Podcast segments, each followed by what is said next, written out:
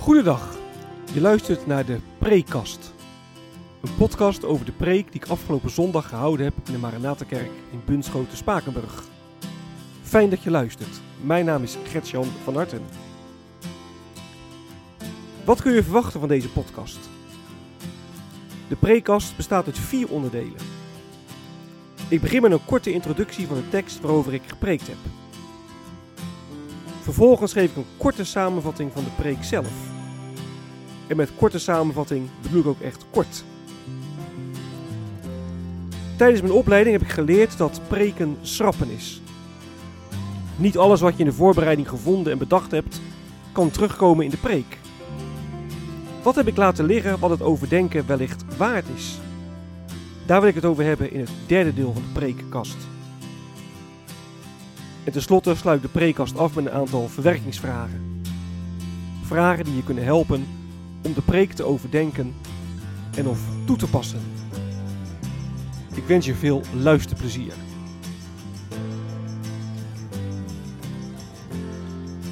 De tekst.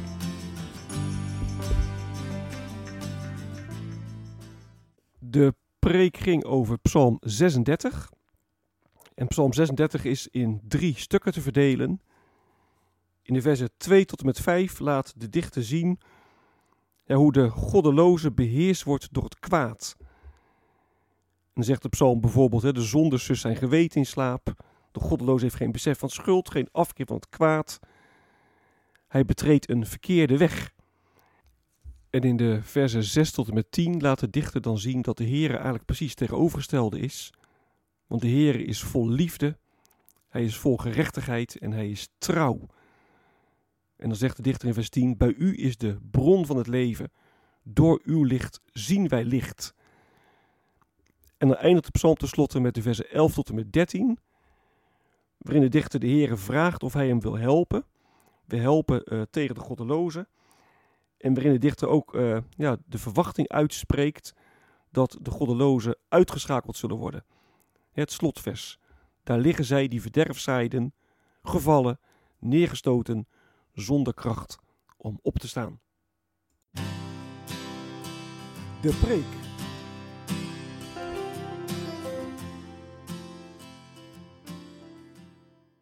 Het thema van de preek is Wij leven in het licht van God. En dat is naar aanleiding van vers 10, waar de psalm zegt: Door uw licht zien wij licht. Nou, je hebt natuurlijk ontzettend veel verschillende soorten mensen. Maar uiteindelijk kun je de mensheid in, in twee groepen verdelen. En dat is in mensen die wel en in mensen die niet voor God leven. in mensen die, die gered worden en in mensen die verloren gaan.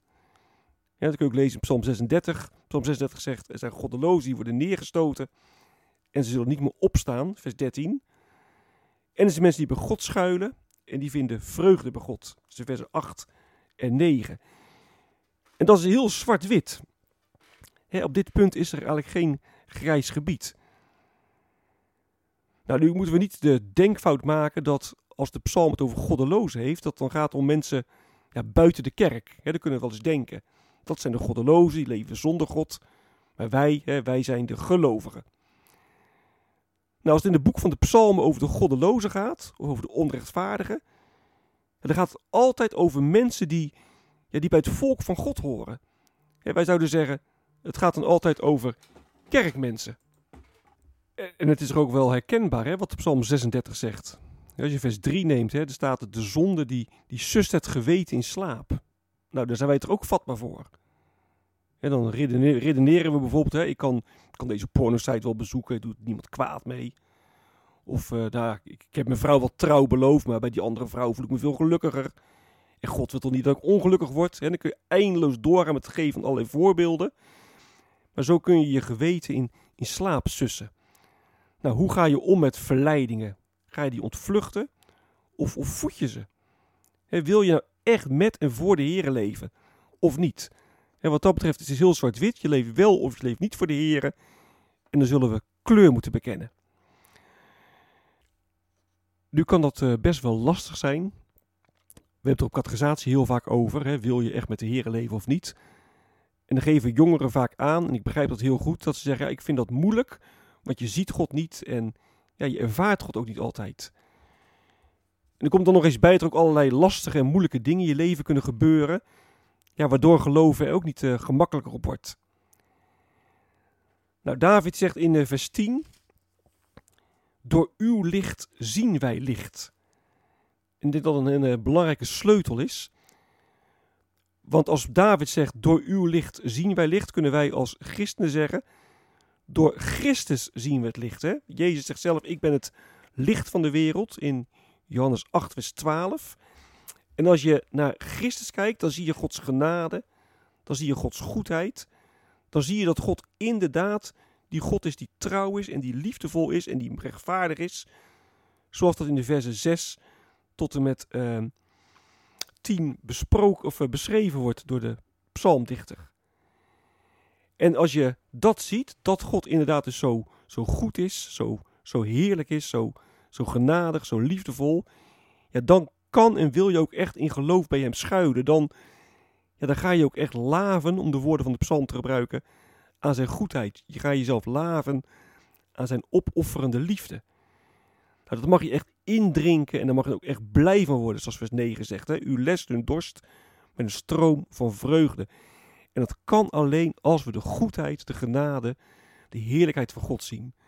Oftewel, dat kan alleen als we Jezus Christus kennen. En daarom is het zo belangrijk om altijd weer naar Christus te kijken. Nou, David zegt in vers 11: Toon aan uw getrouwen gedurig uw liefde. Dus we moeten steeds weer kijken, kijken naar de Heer Jezus. Kijk wat Hij gedaan heeft en wat Hij aan ons geven wil. En als je dat doet, ja, dan, dan besef je dat, je dat je eeuwig leven mag ontvangen. Dat God nu vandaag ook al voor je zorgen wil en je vandaag ook al ja, blij en gelukkig wil maken met Hem. En dan hoeven de omstandigheden, die, die, die veranderen dan lang niet, lang niet altijd. Maar dan ervaar je wel die diepe vrede die, eh, die God in Christus geeft. Je mag leven in het licht van God. Nou, het einde van de psalm laat zien dat het bij de goddelozen echt anders is. zij liggen neer, staan niet meer op. Als je geen rekening houdt met God, als je eigen weg gaat, dan heb je geen toekomst. Alleen met Christus is de toekomst. Nou, wil je dat? Wil je leven in het licht van God? Nou, beken kleur en geniet van het leven met God nu al en tot in eeuwigheid. Wat is blijven liggen?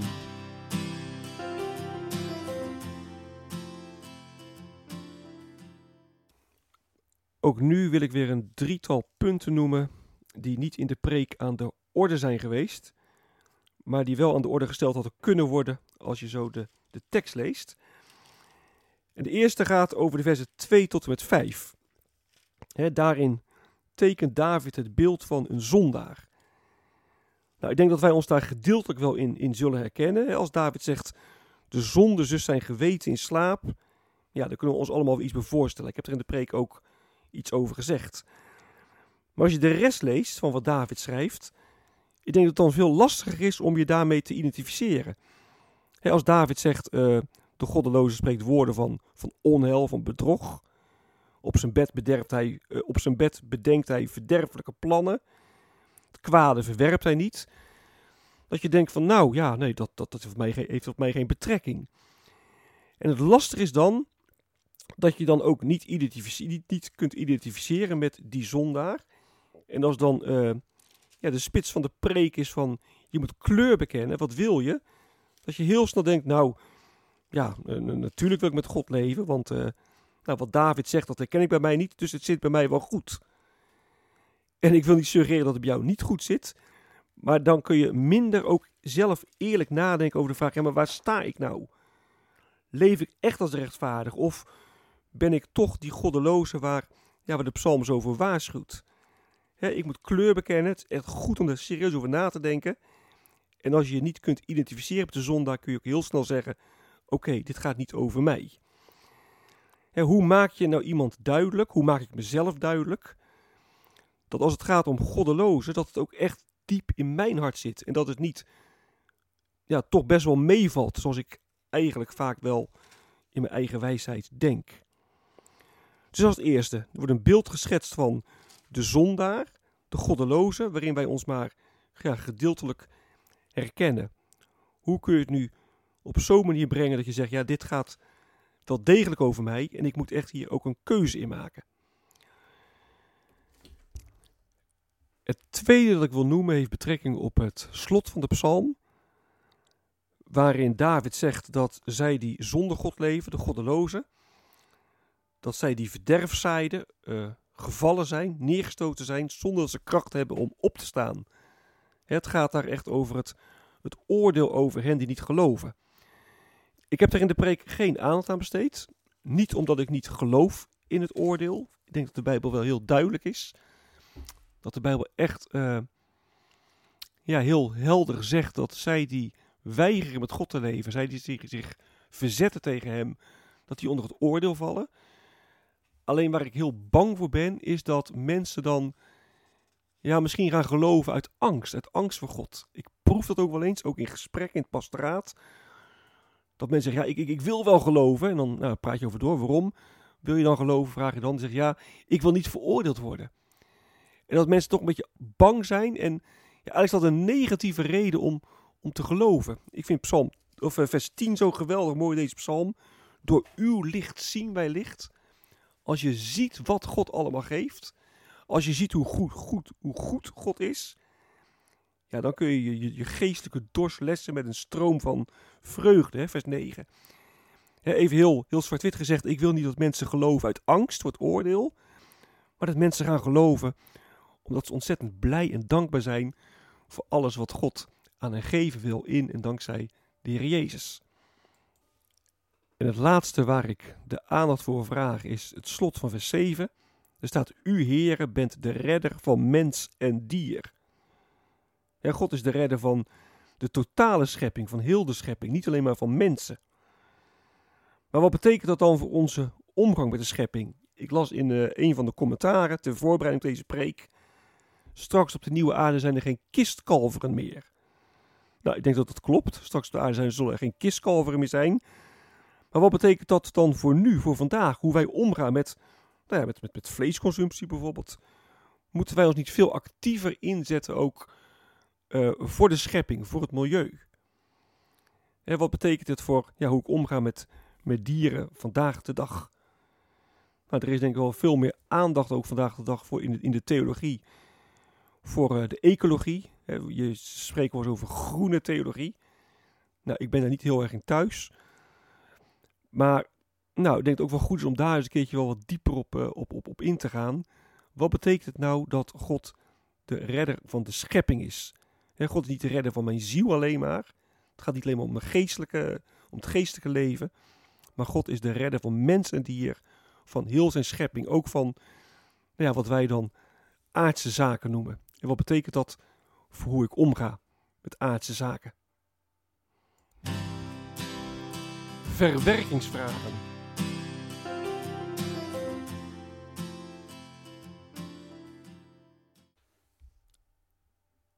De eerste vraag die ik wil stellen is, um, nou als je Psalm 36 leest, dan zie je dat de mensheid eigenlijk in twee groepen uh, uiteenvalt. Hè, in goddelozen en in mensen die bij de Heeren schuilen.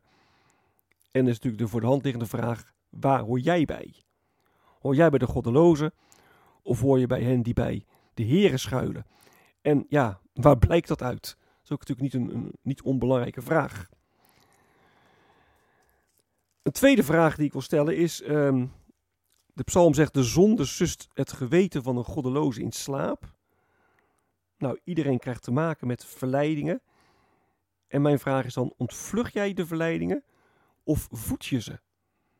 En hoe ga je mee om met, met het feit dat de zonde je geweten in slaap probeert te sussen? Laat je inderdaad in slaap sussen of probeer je wakker te blijven? En nou, hoe doe je dat dan? De psalm zegt dus dat uh, de mensheid eigenlijk in twee groepen uiteenvalt. In mensen die goddeloos zijn of mensen die bij de heren schuilen. En mijn vraag is, is de Bijbel uiteindelijk onderaan de streep toch niet te, te zwart-wit? Het is zo zwart-wit. Of je bent voor of je bent tegen. Maar is het leven niet veel nou, ingewikkelder, veel gecompliceerder? Heb je niet veel meer kleurschakeringen? Is er geen grijs gebied? Is de Bijbel niet te zwart-wit? Nou, dat is ook een vraag waar je over na kunt denken of met elkaar over kunt, kunt doorspreken. mijn laatste vraag, vraag heeft betrekking op vers 9. Daar zegt de dichter dat zij die bij God schuilen zich laven aan de overvloed van Gods huis. U lest hun dorst met een stroom van vreugde. En mijn vraag is nou, in hoeverre ken je dat ook uit, uit eigen ervaring? Ben je echt blij, blij met het evangelie? Laaf je echt aan de overvloed die God je geeft? Dit is het einde van de prekast. Mocht je vragen of opmerkingen hebben, dan kun je me mailen op mailadres van hartengretjan.gmail.com van hartengretjan.gmail.com Ik wens je nog een hele prettige dag. Hartelijk dank voor het luisteren. En wie weet tot een volgende keer.